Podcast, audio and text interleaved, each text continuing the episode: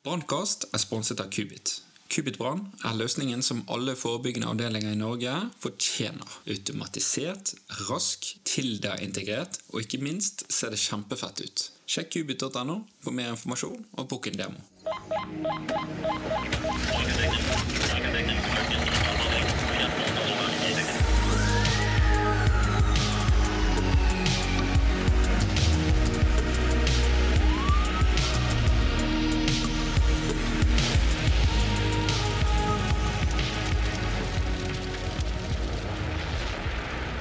Hva kan vi gjøre for å redusere risikoen? Velkommen til en ny episode i Brannmann mot kreft. I denne delen av serien så går vi gjennom metoder for å redusere eksponeringen av farlige stoffer.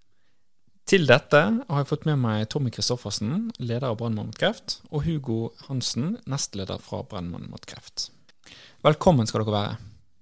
Takk for det. Takk for det, ja. Fortell, Tommy. Hvem er, hvem er egentlig du? Ja, jeg heter Tommy. 48 år. Jeg eh, jobber til dagen i Bergen brannvesen som seksjonsleder beredskap. Har eh, jobbet der nå i 26 år. Jeg er også eh, formann i Brannmann mot kreft og eh, en av stifterne som var med og stiftet foreningen. Veldig bra. Og du da, Hugo? Hvem er du? Ja, Hugo. Hugo Hansen. Eh, 52 år. Og har eh, vært i brannvesenet i Bergen i 26 år. Ja. Vi er kullinger, faktisk. Så vi har jo eh, jubileum om til fire år. Da er det 30 år, Tommy. Gud bedre meg. Men uh, i alle fall, jeg jobber nå som nestleder i, i Brannmenn mot kreft. Og uh, jobber nå som brannmester og og utrykningsleder i Bergen brannvesen. Ja, eh, Brannmann og kreft. Hvor lenge har dere holdt på med dette, da? Ja, hvis jeg kan begynne, så, så var jo jeg en av stifterne her. Eller så var med og stiftet foreningen i 2014.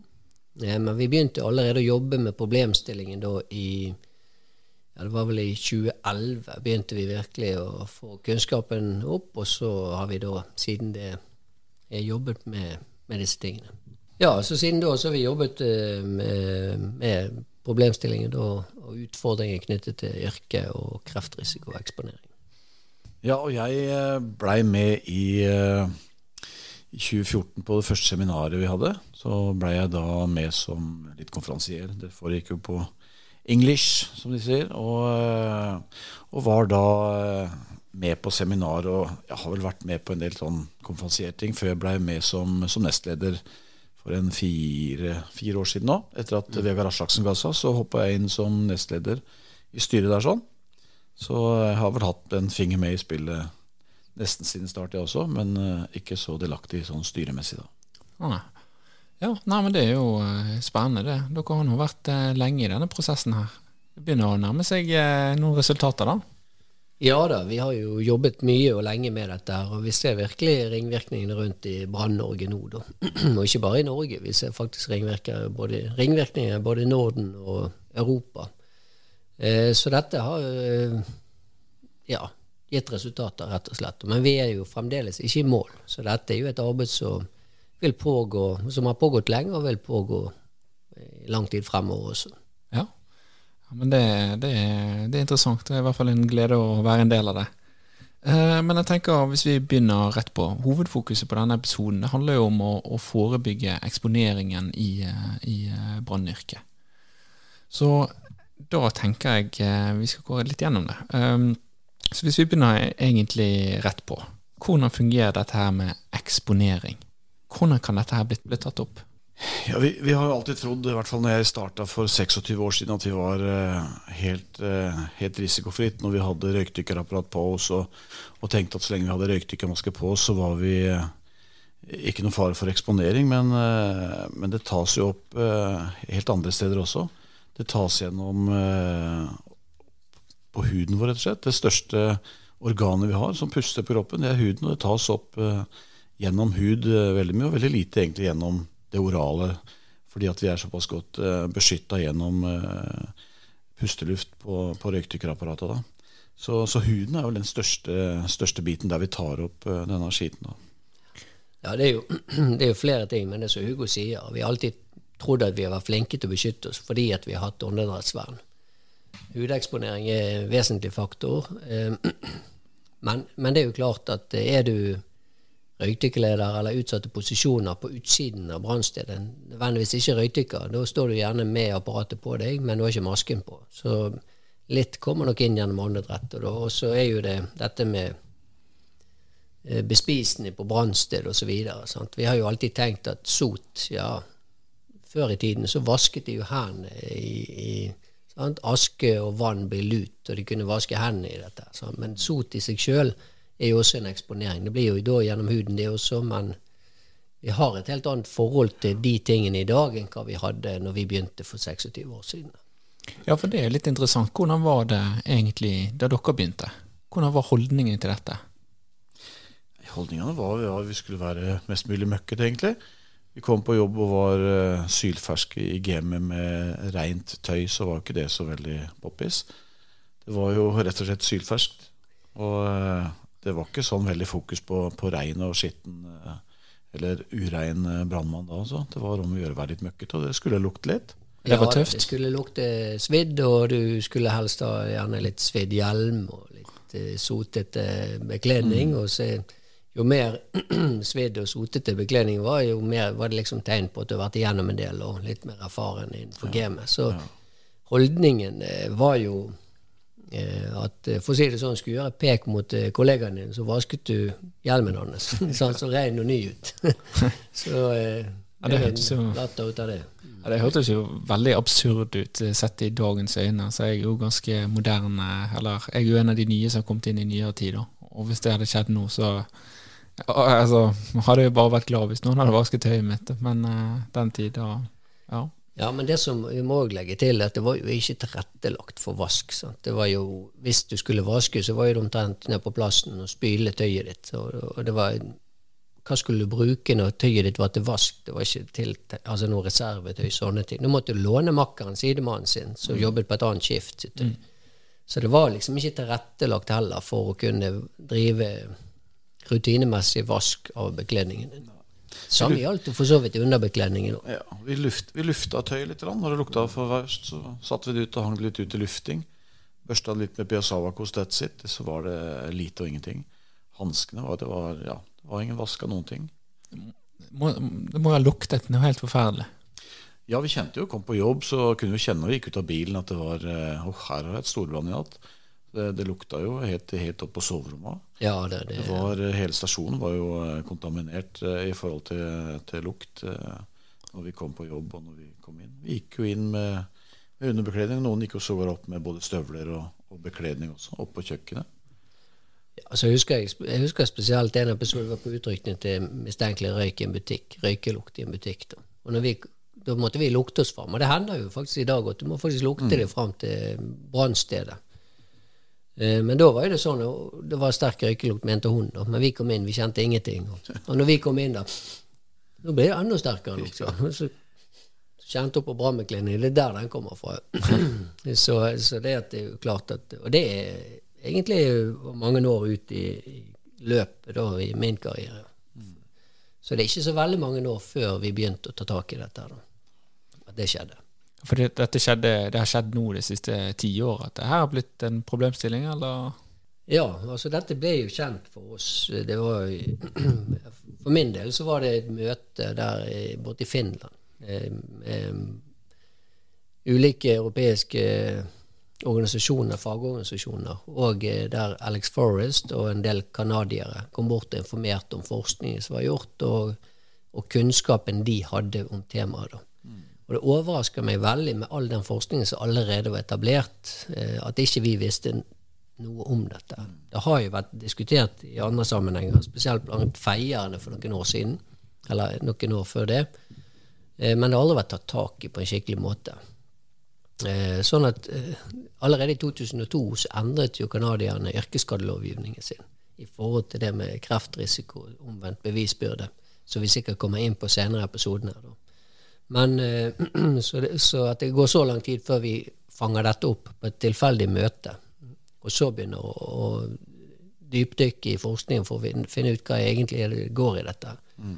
det overrasker meg egentlig. Men det, var, det så viktig, var så viktig at dette måtte vi bare gjøre noe med. Dette kunne ikke vi ignorere, eller måtte bare ta tak i det også, og få gjort noe med det. Så da er vi der vi er i dag. Det er jo litt sånn at vi, Når vi, når vi tenker på det nå, så, så, burde vi nesten ha tenkt på det da. For de vi snakker med nå, de kjenner ja, selvfølgelig. Det er jo ganske innlysende det vi, det vi snakker om nå også. Mm. Når vi tenker etter. Det er det. Helt klart. Hva var det på en måte det første tiltaket dere gjorde, da? Nei, det var jo Det begynte jo med den informasjonen der. Og så var det mye e-postkorrespondanse og liksom etterretningsarbeid da, for å finne fram det, det, forskningen som er gjort, og, og begynne å lese så øyet blir stort og vått for å finne ut av hva er det egentlig hva er det tallene sier. Og uten å gå inn på nærmere studier, så den masterstudien som var gjort i 2006-2007, var jo vesentlig. da. Det var en eh, sånn eh, metaanalyse. Jeg trenger ikke gå nærmere inn på det her og nå, da. Men det var ganske tydelige tegn i den studien. Og så var vi faktisk på reise bort til Canada. Eh, studietur nærmest. Vi rumle, klarte å rumle penger så to av oss kunne reise bort til Canada. Og der snakket vi da med både forskere, vi snakket med brannfolkene der borte, vi snakket med leger, brannsjefer, Eh, folk fra Workers Compensation Board. Og fikk eh, all den informasjonen vi trengte for å begynne dette arbeidet hjemme i Norge. Da. Og det gjorde at vi òg fikk en bedre forståelse for problemstillingen og, og hva tiltak vi kan gjøre. Da. Så vi satt jo allerede på flyet hjem der og begynte å planlegge, og så liksom Vi tenkte dette får jo veldig store konsekvenser for måten vi organiserer oss på, måten vi tenker yrkeshygiene på, altså brannstasjoner, brannbiler. Så vi så jo for oss Det er litt drøyt at alt dette skulle skje, men nå er vi her i dag. Og det skjer jo. Det bygges jo brannstasjoner over en lav sko. Husker du kom hjem og så sa du, da var du, da var du veldig på sant? Du var Gira som var det. Og så var det liksom Det er ikke sikkert vi skal røykdykke engang. Det er ikke sikkert vi skal røykdykke sånn som vi gjør i dag. Jeg er er dum, eller? Selvfølgelig skal vi røykdykke. Det er det som er jobben. Du ser allerede nå, så tenker vi vi tenker annerledes taktisk. Mm. Vi tenker annen taktikk i forhold til hvordan vi trenger vi røykdykke. Trenger vi gjøre? Kan vi senke temperaturer? Kan vi sette vifte, bruke av vifte? Det har skjedd en sånn vanvittig utvikling da. Mm. Og som Tommy sier, det, det har jo hatt en kjempeendring. Du ser det bygges nye stasjoner overalt. Mm. Så det er, eh, det er, helt klart det har vært en, en, eh, Ikke en sånn superlang vei, egentlig. Men det har, eh, det har gått noen år, men det er ikke sånn veldig lang vei, syns jeg. Ja, og så når du tenker, eh, men, men, det som du sier, mye av dette er egentlig innlysende. Sant? Så det er jo bare rart at ingen har påpekt dette tidligere. Men når vi først brakte det til bords mm. eh, Selvfølgelig var det en del, kall det motstand, da, i forhold til Og det handler jo om eh, altså det, det, må jo på en måte dokumenteres, og så må det modnes. Tankene må modnes, og forståelsen må komme på plass etter hvert. Eh, men når, når vi rundt, reiste rundt i Norge og snakket med kolleger, og sånn, så, så, er jo det så innlysende. Sant? Det er så forklarbart og det er så forståelig. Alle kjenner seg igjen i situasjonene. Det, dette med å yrkeshygiene og vaske seg og skitten bekledning. Og det, så det har skjedd en enorm holdningsendring i Brann-Norge på dette området. Og det er jo noe som jeg tror har bakgrunn i at det, det, er så, det er så nesten selvforklarende problemstillinger. Så det er bare det at og sette det på dagsordenen, og så gjør vi noe med det. Og det, det er jeg jo veldig glad for at det, det har nådd inn eh, så kjapt og så greit. Da. Det er klart, eh, vi, vi har reist veldig vi har reist veldig langt eh, i Norge, land og strand rundt, og holdt disse foredragene våre. Og der er det fremdeles kan vi møte eh, en del ting i forhold til kultur. Eh, vi har ikke helt nådd fram helt ennå. Det er ikke alle som har skjønt alvoret i det. Men de fleste har hørt om dette her nå i Brann-Norge. Det er ikke noe ukjent fenomen med rein og skitten. Eller rein og urein brannmann. Mm. Det, det, er ikke det, altså. Men uh, dere snakker om det her med rein og urein brannmann. Altså, og vi begynte jo innledningsvis med dette her med at vi hadde at vi blir på en måte forurenset, eller at hvordan vi blir påvirket. Altså, hvor, Hvilke steder er det vi blir påvirket, og hvordan er det det her fungerer egentlig? Altså, hvilke steder er man utsatt for eksponering av eh, kreftfremkallende stoffer? Det er jo alt vi holder på med, egentlig. Er, eh, vi har jo nevnt litt allerede. Det er jo eh, husbranner så lenge det er brann og røyk, og det er kjemikalier som blir, som blir laga i, i, en ufullstendig brann, så har vi liksom ikke helt Vi veit liksom ikke hva vi blir eksponert for heller alltid. Mm. Eh, det er klart, De stedene vi veit hva vi blir eksponert for å finne gass, er det greit. Men det er klart når det brenner i et hus, og det er eh, plastkomponenter som mikses sammen i en sammensuru sammensure av en cocktail, så har vi ikke peiling på å bli eksponert for. Så det er alltid fra husbranner til bilbranner. Alt. You name it. Men ja. hvis du tenker deg så enkelt som bare å brenne, å brenne rent treverk, da, mm. altså ren ved Det inneholder noen av det vi blir eksponert mest for, så er det benzopyren, benzen, PAH. Og det finner du, når, får du når du brenner når, rent treverk. En av de største kildene til dette er faktisk skogbrann i, i atmosfæren vår. Mm. Skogbranner og eh, vulkanutslipp, faktisk. Så det er jo alt ifra eh, hva skal jeg si, speiderbålet. Selv den røyken der er jo faktisk en del komponenter inni som er kreftfremkallende.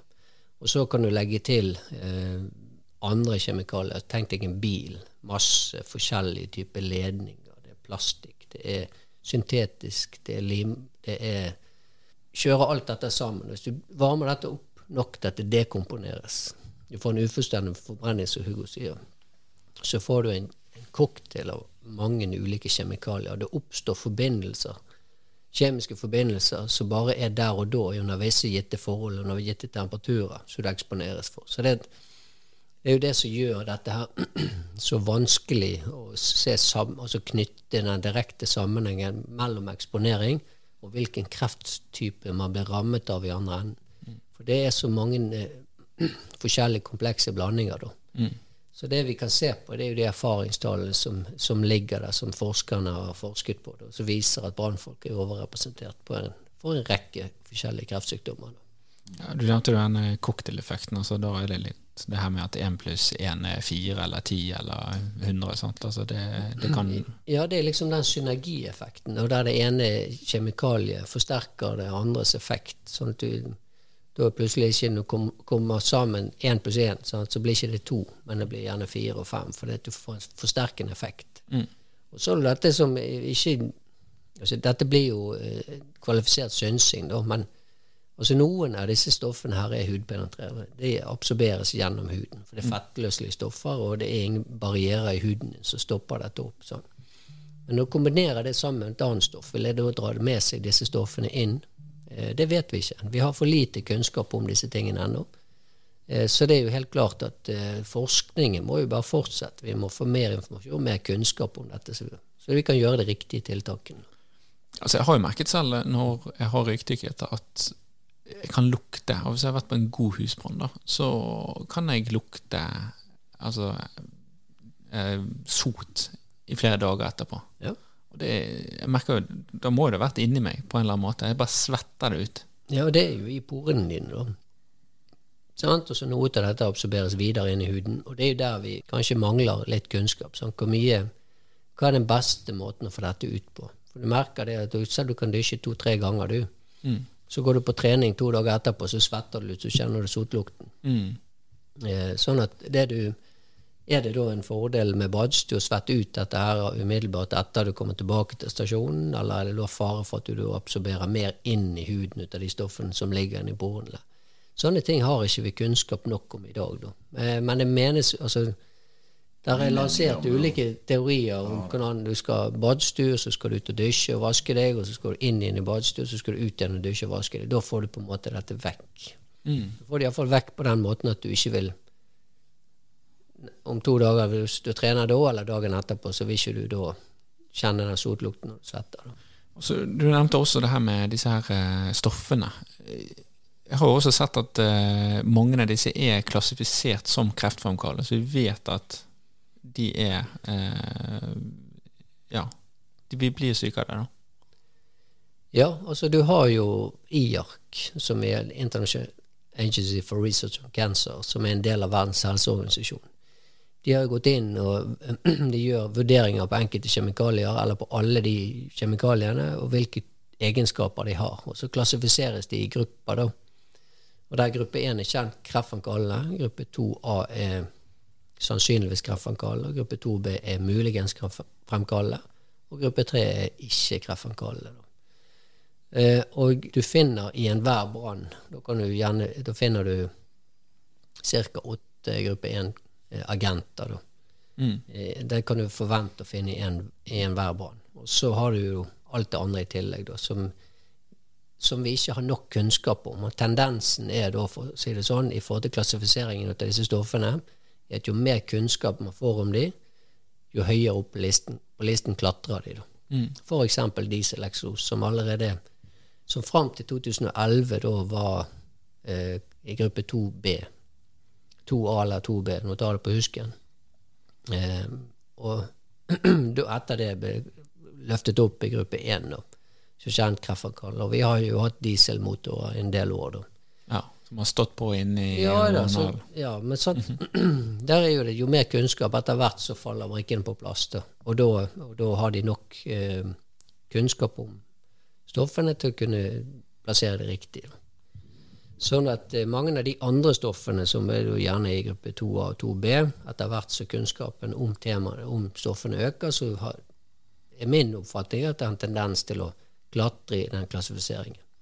Men så må jeg få legge til at det årlig tilføres jo 1000 ulike kjemikalier i nye produkter som produseres i dag, nettopp for å gjøre produktene mer anvendelige, tåle, altså få bedre egenskaper for til det du skal bruke produktene til. Det er alt fra skoskeier til, ja, til dørmatter og whatever. Men disse stoffene som blir tilsatt da, de har vi ingen kunnskap om.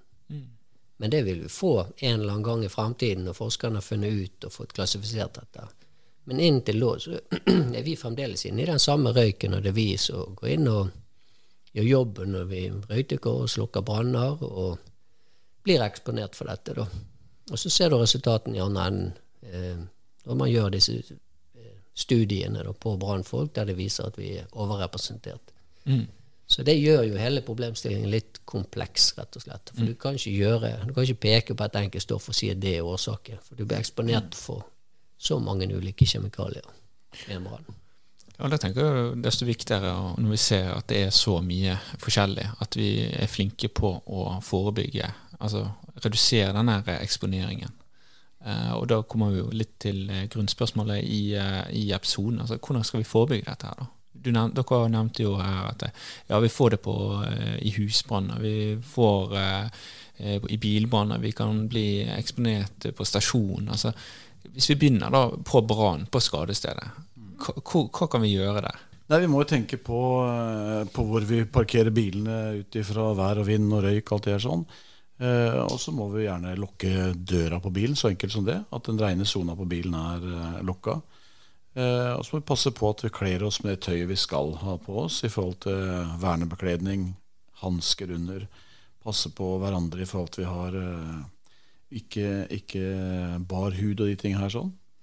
Og så må vi se an brannen og se hva, hva er eh, hensikten med brannen. Hvordan taktisk løser vi situasjonen, rett og slett. da. Eh, så Det er vel eh, starten sånn hovedsakelig.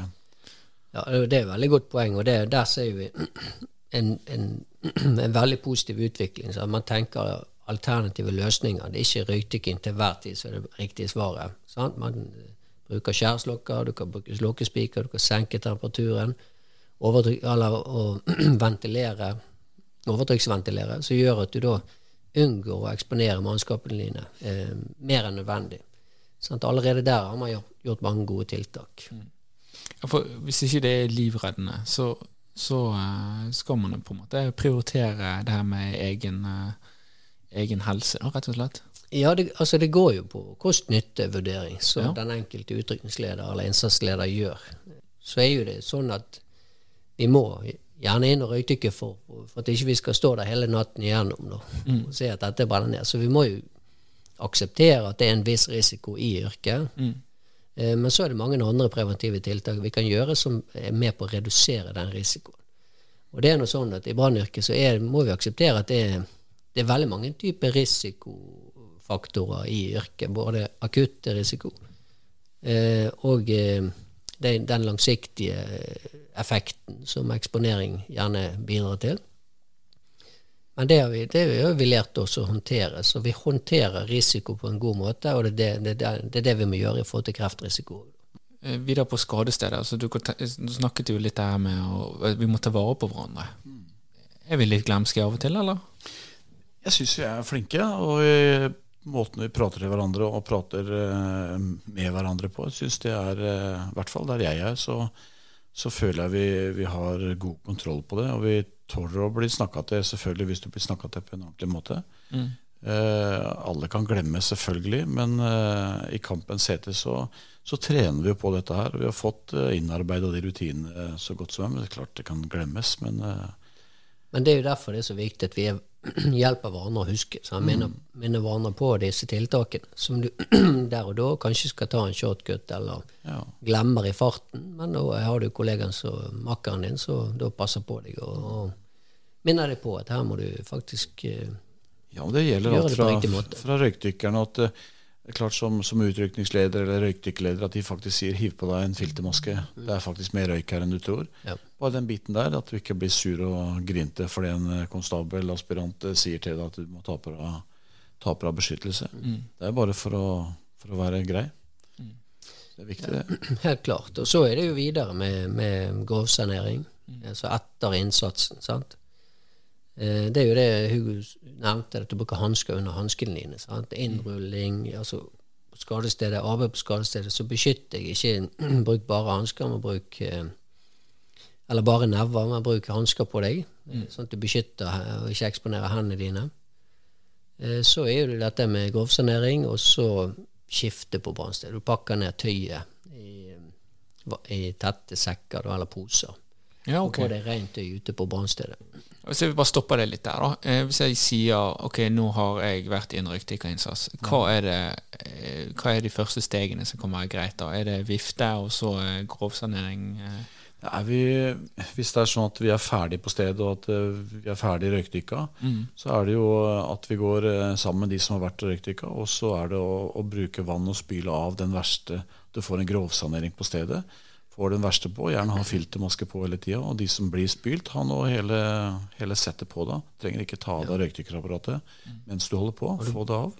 Da binder du også opp partiklene i vann som gjør at det ikke virvler opp og puster i deg. sant? Ja. Da binder du Og, det er klart, eh, Jeg har ikke vært med på at vi har brukt vifte for å få bort eh, Det, det klarer vi fint med, med, med slangen og vannet der. sånn. Og som Tommy sa, få av det, det tøyet som er eh, eksponert og, og kontaminert, og, og få pakka det i bager og putta det i urein sone, gjerne på bilen eller i en logistikkbil som kommer og henter dette her. sånn. Og så få på deg reint tøy, sånn at du kan gå inn i den reine sona på brannbilen som er da kahytta og, eh, og baki. Og eh, at det er reint der også, selv om du har eh, Og så er jo det flere og flere som har vaskestasjoner på brannbilen. Du kan vaske hendene dine, ansiktet ditt og vaske halsen. Det som er mest eksponert. Mm. Jeg, har, jeg har sett på noen av disse studiene at du ser at det er ofte med hals og med armer og i lysken at det er mest eh, eksponering. Er det Altså det er, under, det er jo med tanke altså Det er forklarbart med den pumpemekanismen som finnes i brannbekledning. Vi vet jo at brannbekledning må være pustende mm. for å slippe ut varme. Eh, Samtidig så er det den største eksponeringen du får, det er en pumpemekanisme. Altså det vil si at når du bøyer deg ned, så blåser du luft ut av halsen din, ut mansjetter og akkurat der skillet mellom jakke og bukse. Når du reiser deg opp igjen da, så suges det luft inn på samme måte. Hvis du har på deg en dykkerdrakt, så merker du det veldig godt. Sant? Da blåser drakten seg opp, for den er helt tett i mansjettene. Men det gjør ikke bra med brannbekledning. Da får du en sånn pumpemekanisme når du beveger deg. Og det gjør at den røyken kommer inn i drakten, og så inn på huden. Eller inn på underbekledning, og så inn på huden. Ja, ok. Og det er jo de stedene i hals, halsregion, halsnakke, nakken og rundt. Altså hodet er jo bare finlandshetten eller flammehetten på det, ikke sant? Det er jo eksponerbart. Så har du hendene håndledd, og så har du da mageregionen i faktisk. Altså Det kan være veldig greit å vaske, spesielt eh, armer og altså det du kan da på skadestedet. Ja, jo tidligere du vasker huden din, jo mindre eksponert blir du. Det er jo en, et viktig tiltak. Jo tidlig, tidlig vask. Da. Og Derfor skal jo også røykdykkerne tidlig i dusjen. Når, de, når du kommer inn i hus, så er det en av viktige oppgaver at røykdykkerne, røykdykkerne da går rett i dusjen og får vasket seg. Mm. Ja, men det er jo spennende, det. Ehm, og så har jo eh, Nå snakket vi om at eh, ja, nå har han eh, røykdykkeren eh, kledd av seg. Og deretter så skal det være opprydning. Hva er det viktig å tenke på da? Du, dere nevnte det med hansker. Ja, det er jo dette med at vi bruker filtermasker, verneutstyr, gummihansker. Så at vi prøver å, å ikke eksponere oss for disse her stoffene. Det vil være i en sot, det vil være i en partikler som også kan bli tatt opp i hud. Så det å bruke det verneutstyret vi har, rett og slett, da, det er det som er uh, viktig. da. Ja, så ja, ok. Så bare til rulling av slanger, så det er hansker på, eh, på med filtermaske når du står på skadestedet og ja. Ja, og så er det ha med en ekstra kjele, ha med en ekstra underbekledning, sånn at du kan hive av deg det kontaminerte, på med rent tøy, og på med kjeller så du kan jobbe i da, når du skal gjøre type Etterarbeid. sånn, er, ja. sånn etterarbeid på skades- eller brannsted. Ja, ok. Så ikke gå rundt i den skitne bekledningen så lenge som mulig. Bare ha skifte. Ja. Det, er jo- det er klart, det er, det er det som er anbefalt, selvfølgelig. Men vi vet det at vi har vært gjennom disse foredragene våre rundt omkring i Norge, så er det ikke alle som har det sånn. sant? Det er ikke alle som har eh, både kjeledress og ekstra bekledning og alt det der, så det er en økonomibit også. Så, eh, men det er helt klart, jo kortere du er eh, eksponert i det tøyet du har, jo bedre er det, rett og slett. da. Så, så har du eh, mulighet til å kunne skifte, så skift og få på deg rent tøy. eh. Jo lenger vi er i det skitne tøyet, og jo lenger vi er eksponert til det, jo hurtigere og bedre, jo mer opptak blir det, rett og slett. da. Jeg må jo si at det er jo utrolig digg å få av seg det der eh, svettetøyet og våtetøyet, våte tøyet og få på seg noe ja, tørt og godt og få arbeidet til. Klart det. Ja da, men må jo legge til at hvis ikke de, har det, så bør det jo tilrettelegges for det. Det er en pliktene til arbeidsgiver da, å sørge for at mannskapene blir eksponert så lite som mulig. Og det er et av de gode tiltakene. Det at de har tilstrekkelig med utstyr, så de kan ta av seg det kontaminerte og på med rent tøy. Ja, ok. Så det er arbeidsgivers ansvar. Det er det. Ok, så, så da er vi på opprydningen, da. Og så er det her med hvor er det vi skal ha Du nevnte det litt, da. Eh, hvor er det vi skal ha dette kontaminerte? Eh, du sa Det, det kan være alt ifra Det er forskjellig hvordan eh, de forskjellige brannvesenene kan løse det. Men eh, det er klart eh, En kan ha en egen logistikkbil som kommer ut og henter dette, her sånn, så det blir, eh, eh, blir tatt med på, på vaskehall eller stasjon der de har vaskemuligheter. Eventuelt at de har det bak i bilen der det er urein sone. Ikke putte inn i rein sone inn i kabinen til, til bilen. og da. Men det er ikke bare mm, Det er ikke bare sånn at det er arbeidstøyet som er kontaminert. Det er også utstyret. Utstyr Utstyr, også, utstyr også materiell. Alt er kontaminert. Alt som har vært inne i brann og er eh, utsatt for samme som, eh, som mannskapet er, er jo også eksponert og kontaminert. Ja. Og må behandles deretter også. Men det, dette vil jo variere med, avhengig av størrelsen på brann, hva type brann det er osv. Eh, det er ikke det at det er mindre viktig å skifte utstyr eh, fordi det er en liten brann, men blir du eksponert eh, og så er du ute på en bilbrann, det er én stasjon ute, slokker bilbrann, én eller to røykdykkere. Kanskje bare én røykdykker eksponert, for de sender bare fram én mann. Sender gjerne ikke mer ressurser nødvendig inn i røyken. Men når han da er ferdig, så pakker man ned utstyret hans, eller hun, hennes, i tett, eh, tette poser, kan ta det inn igjen på bilen, og så kjører man retur. Da, da Gjerne ikke logistikkbil og de tingene der på plass, og kjøre ut for å hente disse tingene. Men er det brann av større omfang, så har man gjerne etablert sånne ting som logistikk og annet som kan ta seg av kontaminert utstyr. Da gjelder det både slanger og strålerør, det gjelder utstyr og redskaper som er brukt i, i forbindelse med brannslukkingen. Det kommer jo an på casen selvfølgelig hele tida. sånt. Hva er det som har brent, og hvor lenge og hvor mye. Ja. Men eh, da er man ferdig på brann, da. Og så kommer man hjem. Hva er det vi første vi bør gjøre etter brann? Dere nevnte det litt innledningsvis. altså Røykdykkerne de skal dusje. Ja, det er, jo, det er jo, hvis du tenker, Vi har jo laga en liten video som dere kan se på hjemmesida vår i forhold til hva vi gjør etter brann, eh, og, og, og hvordan vi gjør det når vi kommer hjem. Og da er det jo eh, fremdeles holde på å få vekk det, det, det ureine eh, tøyet og utstyret vårt, og så få, få mannskapet få kommet, få, få kommet seg i dusj, rett og slett, og få på seg rent eh, og, eh, og ordentlig tøy før du går videre. Så er det det å få, få tøy til vask, rett og slett. da. Og Det er forskjellig hvordan det løses rundt i Norge også. Noen sender dette vekk til vaskerier, andre vasker det selv. Andre har eh, barrieremaskiner, andre har ikke det. Så det er, eh, det er litt forskjellig eh, hva en gjør. Men, eh, men her også, helt klart, pass på at du ikke blir eksponert. Bruk eh, filtermasker, bruk hansker, eh, og, og få det rengjort. Eh, det er jo det som er eh, hovedsaken. da. Så, så det med rengjøring det er en viktig, viktig faktor i dette. da. Det er et viktig preventivt tiltak. Rengjøring av bil, det er rengjøring av materiell, og det er rengjøring av mannskaper og, og vernebekledning, verneutstyr. Så, og det må gjøres på en riktig måte også, sånn at man ikke eksponeres når dette pågår, som som Hugo sier. Så ikke ta med driten inn, da.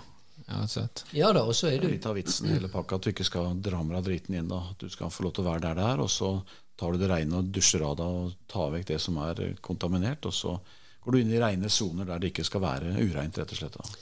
Og det er, det er jo litt, Da kommer vi inn på dette som går på brannstasjon og tilrettelegging for å kunne ha god yrkeshygiene. Og det er jo nettopp det. sant? Og at stasjonene da er tilrettelagt for dette. Eh, og det er jo det som gjerne gjør at veldig mange stasjoner nå må enten bygges om eller bygges nye.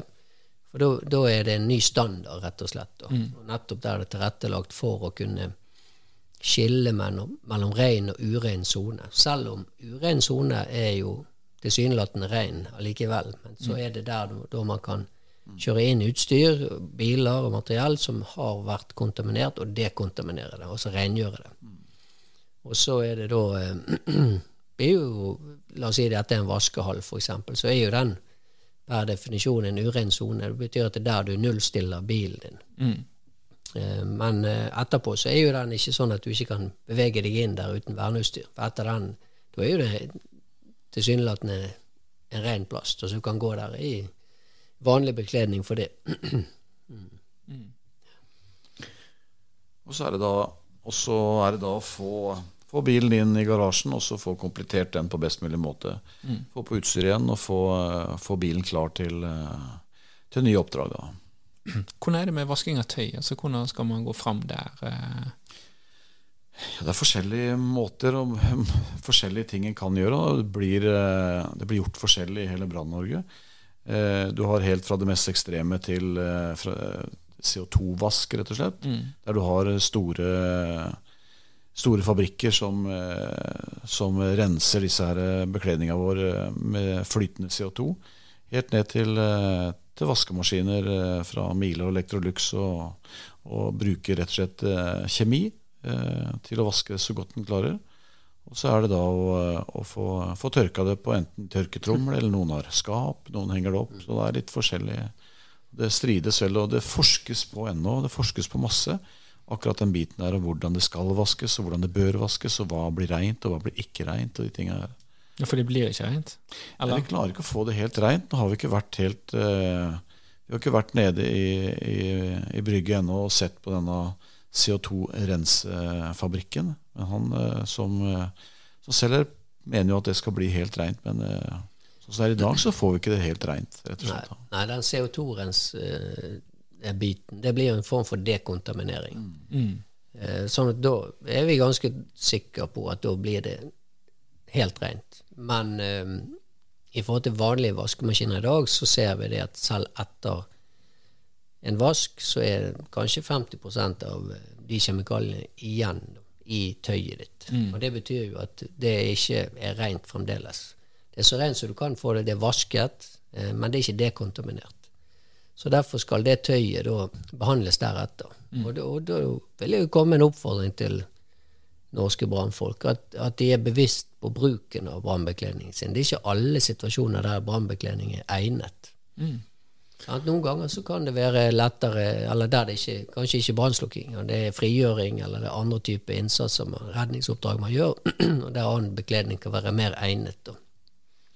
Ja, vi har faktisk brannvesenet i Norge som heller ikke tar røykdykkertesten med den brannbekledningen som har vært i branner. De har eget brannbekledningstøy når de tar røykdykkertesten.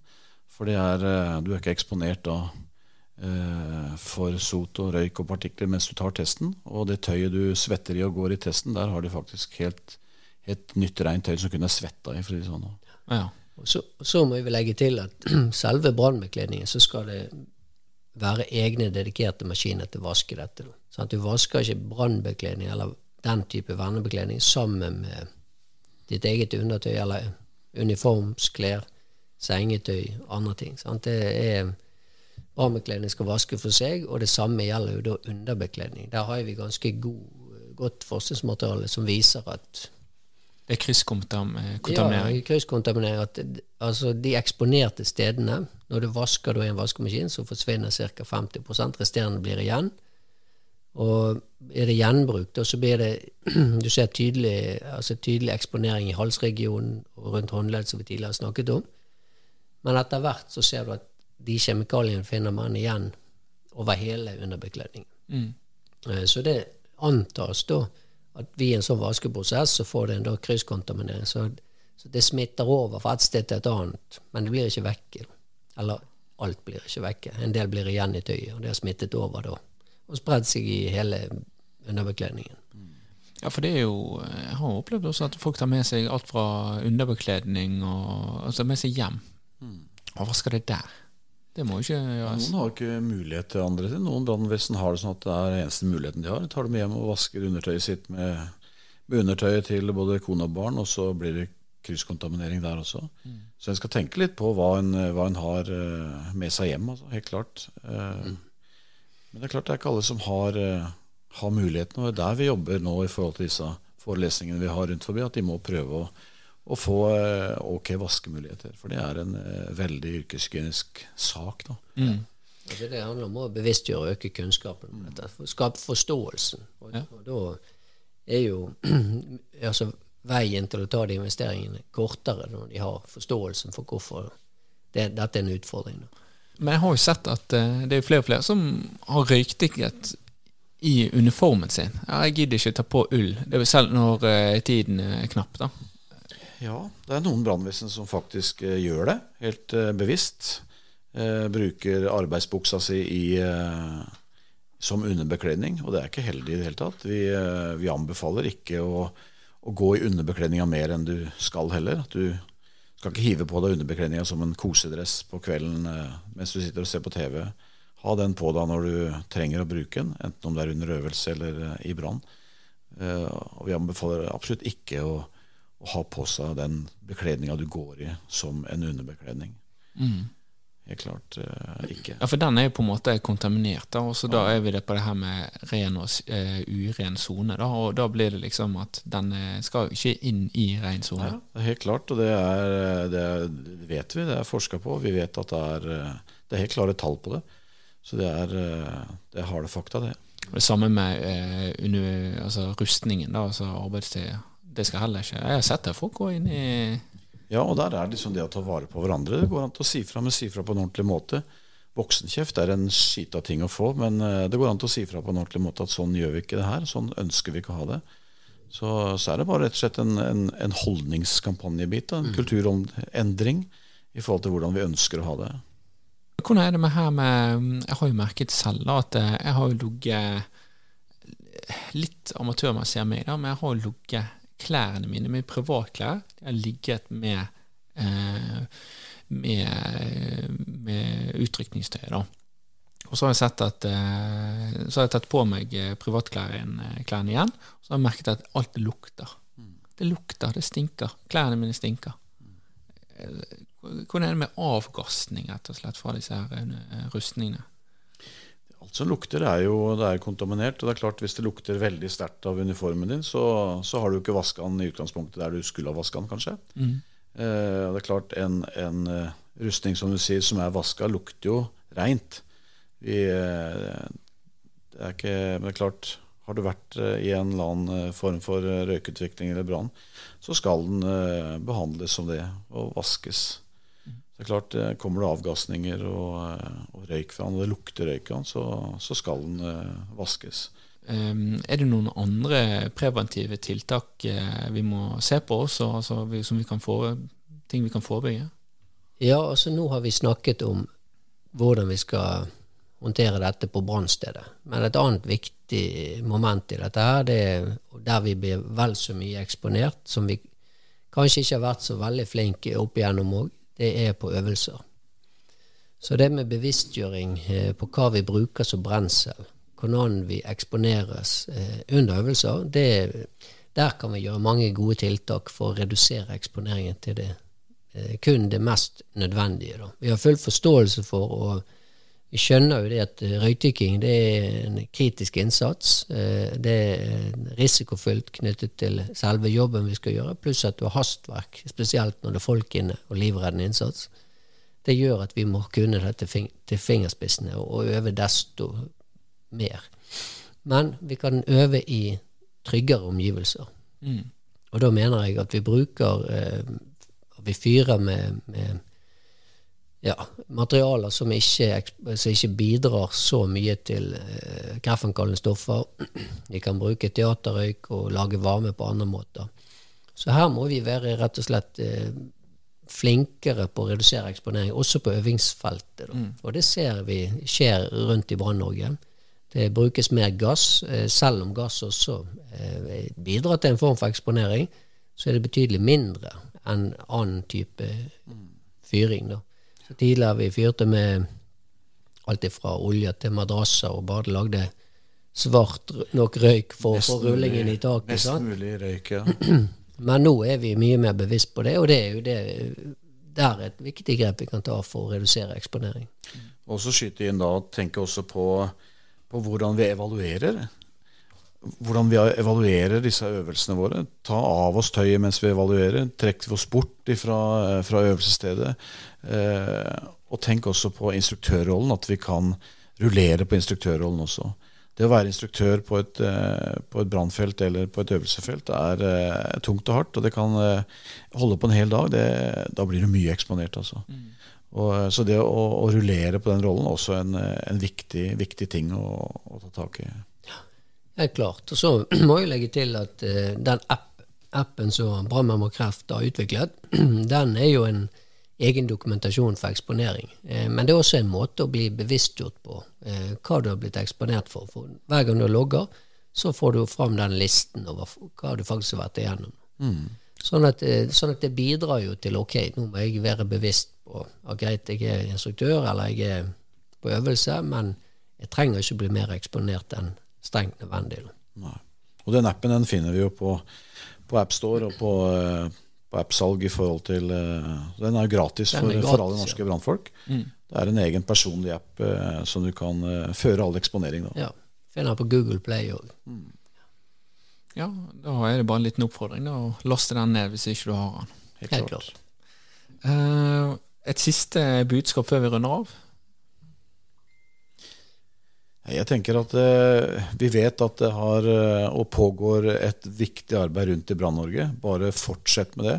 Pass på hverandre. Og, eh, og, det er ikke ukjent, som sagt, dette med, med reine brannfolk. Eh, det er ikke ukjent lenger. Så vi skal gjøre det vi kan opp mot, mot politikere og, og det, det, der vi kan trykke på. Og så får resten av Brann-Norge stå på videre så godt de kan. Ja, og når det gjelder det politiske plan, da, så er jo våre ambisjoner og oppfordring til å, at våre politikere tar ansvar da, for de som blir rammet. Eh, for dessverre så er det sånn at det er en del brannfolk som blir rammet av yrkesbetinget kreft ennå. Eh, og det latenstiden kan være oppe i 40 år, litt avhengig av hva man eksponeres eh, for. Altså fra man da blir eksponert til til eh, du får en kjent eh, tumor eller kreftsvulst. Eh, så det Oppfordringen går jo til våre politikere, da, som må ta ansvar og, og, sørge for at disse har et sikkerhetsnett som tar vare på de den dagen de blir rammet. I dag må de kjempe en lang kamp i tillegg til kampen mot kreft, og det er ikke riktig. Det er rett og slett eh, ikke bra. Nei, det, er, det må noen som tar tak og, og og vi jobber som sagt opp mot, eh, mot politikerne og, og, fortsetter med det. da. Og Hvis det er noen eh, rundt i Brann-Norge som ønsker å besøke oss, eh, så er det bare å ta kontakt på, på post. alfakrøllbrannmennmotkreft.no. Og vi kommer gjerne på besøk og holder foredrag. Det er klart. Mm. Ja, men tusen takk for det. Um, da tenker jeg vi runder av. Tusen takk for en solid innsats. Ja, takk for det. Bare hyggelig. Vi snakkes.